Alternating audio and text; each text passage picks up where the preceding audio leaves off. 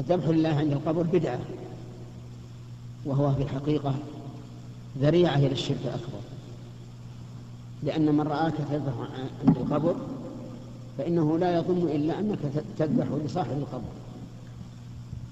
ويكون شركا أكبر إذا نوى به التقرب إلى صاحب القبر وتعظيم صاحب القبر لأن الذبح على سبيل التعظيم والتقرب لا يجوز إلا لله فهو من العبادات.